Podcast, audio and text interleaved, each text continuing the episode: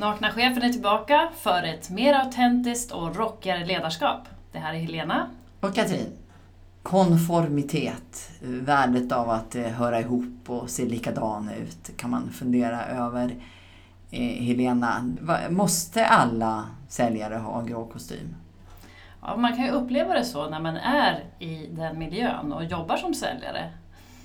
Som tur är har jag känt en viss större frihet av att man är kvinna. Då kan man komma undan lite bättre. Men å andra sidan så finns det regler där också.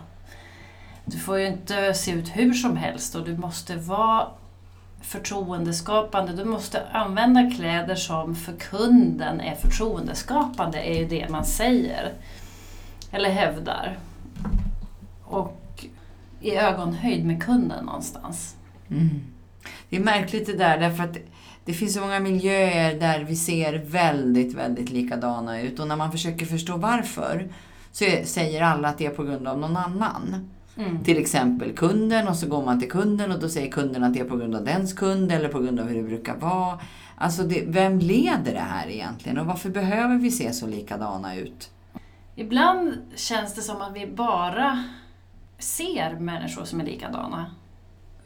Och det här behovet av att alla ska se likadana ut eller att vi inte släpper... Det är ju att vi är rädda att lära känna människan bakom, tror jag.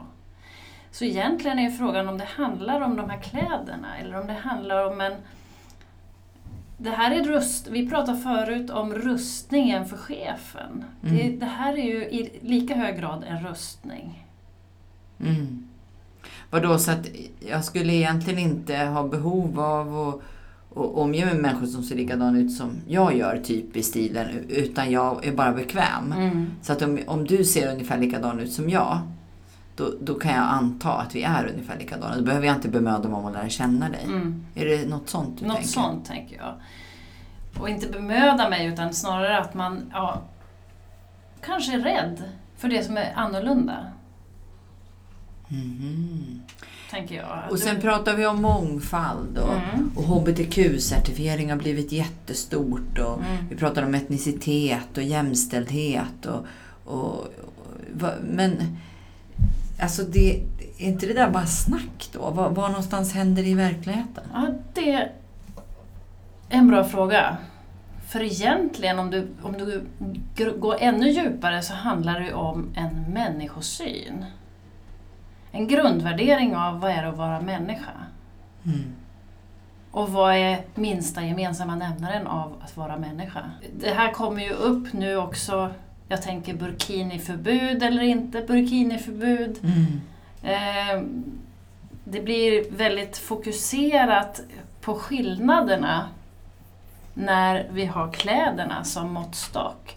Men det, det, är ju något som har förekommit alltid. Mm. Idag såg jag att man delar på Facebook hur man mätte kjollängden på om det var Absolut.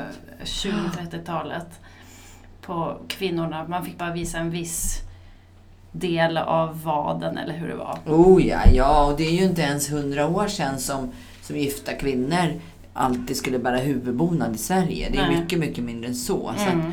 det där med slöja, alltså det, det sitter ihop mer än vad man vad det som framgår när Mm. det skrivs om det i tidningar idag. Mm. Men hur hänger det här ihop med säljarna i de grå kostymerna då? Det är samma fenomen någonstans, tror jag. Det är och jag, jag hävdar att det är mer rädsla än någonting annat. Rädsla och lite ovilja. Det är lättare att prata med sådana som är likadana som en själv. I alla fall är det den föreställningsbild man har. Mm. Och om du då ser helt annorlunda ut och kanske dessutom så utstrålar någonting som jag av någon anledning är emot, Mm. inte gillar. Ja, då finns ju risken att ja, men jag vill inte prata med dig för att du är inte, Mm. du är inte kompis med mig för att du ser ut på det där sättet eller på det där sättet. Mm. Och när du då är säljare så representerar du ett bolag, hävdas det ju också. Mm. Så då måste du alltså följa den klädkod som bolaget har. Vad händer om vi inte skulle göra det? Mm. Då kanske vi syns. Ja, tänk. För finns det något sånt i det här då? Att, det, att jag vill se så likadan ut som möjligt som de omkring mig för att slippa sticka ut. finns det säkert också. Och det är ju tryggare för jag slipper visa mig själv. Jag kan jag tar, tar på mig corporate-kostymen Mm. och så går jag in i den rollen. Mm. Det, det blir som en maskerad eller Mm. en scenkostym. Beroende på vilket sammanhang man befinner sig i. Hur har du själv hanterat kostymerna genom åren? Ja, jag ska ärligt säga att ibland har jag knäppt på mig kostymen för att möta... Jag vet att den jag ska möta har en sån kultur. Mm. Och det har nog varit lite mer att då vill jag undvika alla eventuella negativa fördomar. Mm. Just det. Om jag skulle komma på något annat vis dit. Mm. Och då, då är det borttaget. Då kan, man, det. då kan man direkt gå på frågan som man egentligen är där för. Just det. Så det skapar ju den, den skillnaden. Så jag har absolut använt det. Det har jag också. Mm. Eh, och, och jag har nog, alltså för mig är vad, hur jag klär mig, det är en del av mitt uttryck. Mm. Eh, och eh, jag kan ju särskilt tänka, jag vill alltid känna mig trygg i det jag har på mig. Mm. Sen betyder det väldigt olika saker, alltså Mm. hur det faktiskt ser ut när jag har klätt mig. Men jag ska känna mig trygg för den uppgift jag ska göra. Så kläderna hjälper mig att bygga trygghet och, och, och igenkänning i mig själv. Mm. Eh, och sen så är det nog så att, att om, jag ska, om jag behöver sticka ut i ett sammanhang, Mm. alltså jag behöver eh, gå in och styra ganska hårt i ett möte, jag vet att det kommer upp en tuff fråga i ett sammanhang, i en konferens, någonting. Då är det ännu viktigare att ha den här lite mer konforma klädseln. Mm. Eh, därför att annars så blir det en dubbeleffekt av det. Om jag Mm. både sticker ut i klädsel och i hur jag agerar så blir det för mycket och det ena förtar det andra. Mm. Så då, då dressar jag mig så att jag smälter in Mm. och sen sticker jag ut på ett annat plan så att säga. Mm. Så de där samspelar med varandra. Ja, absolut. Och ibland har jag märkt att bara en sån sak som klackhöjd. Ja. Ibland tar jag på mig medvetet höga skor för att jag blir så pass lång då. just det. Då skapar det i mig också en känsla av auktoritet. Just det. Även om det kan vara en falsk känsla. Det är ju en, det är Men ju, det funkar. det funkar. Och det är det som gör det här så svårt. Och, och som gör hela de- debatten ganska märklig kring vad är det vi egentligen tittar på hos varandra som människor.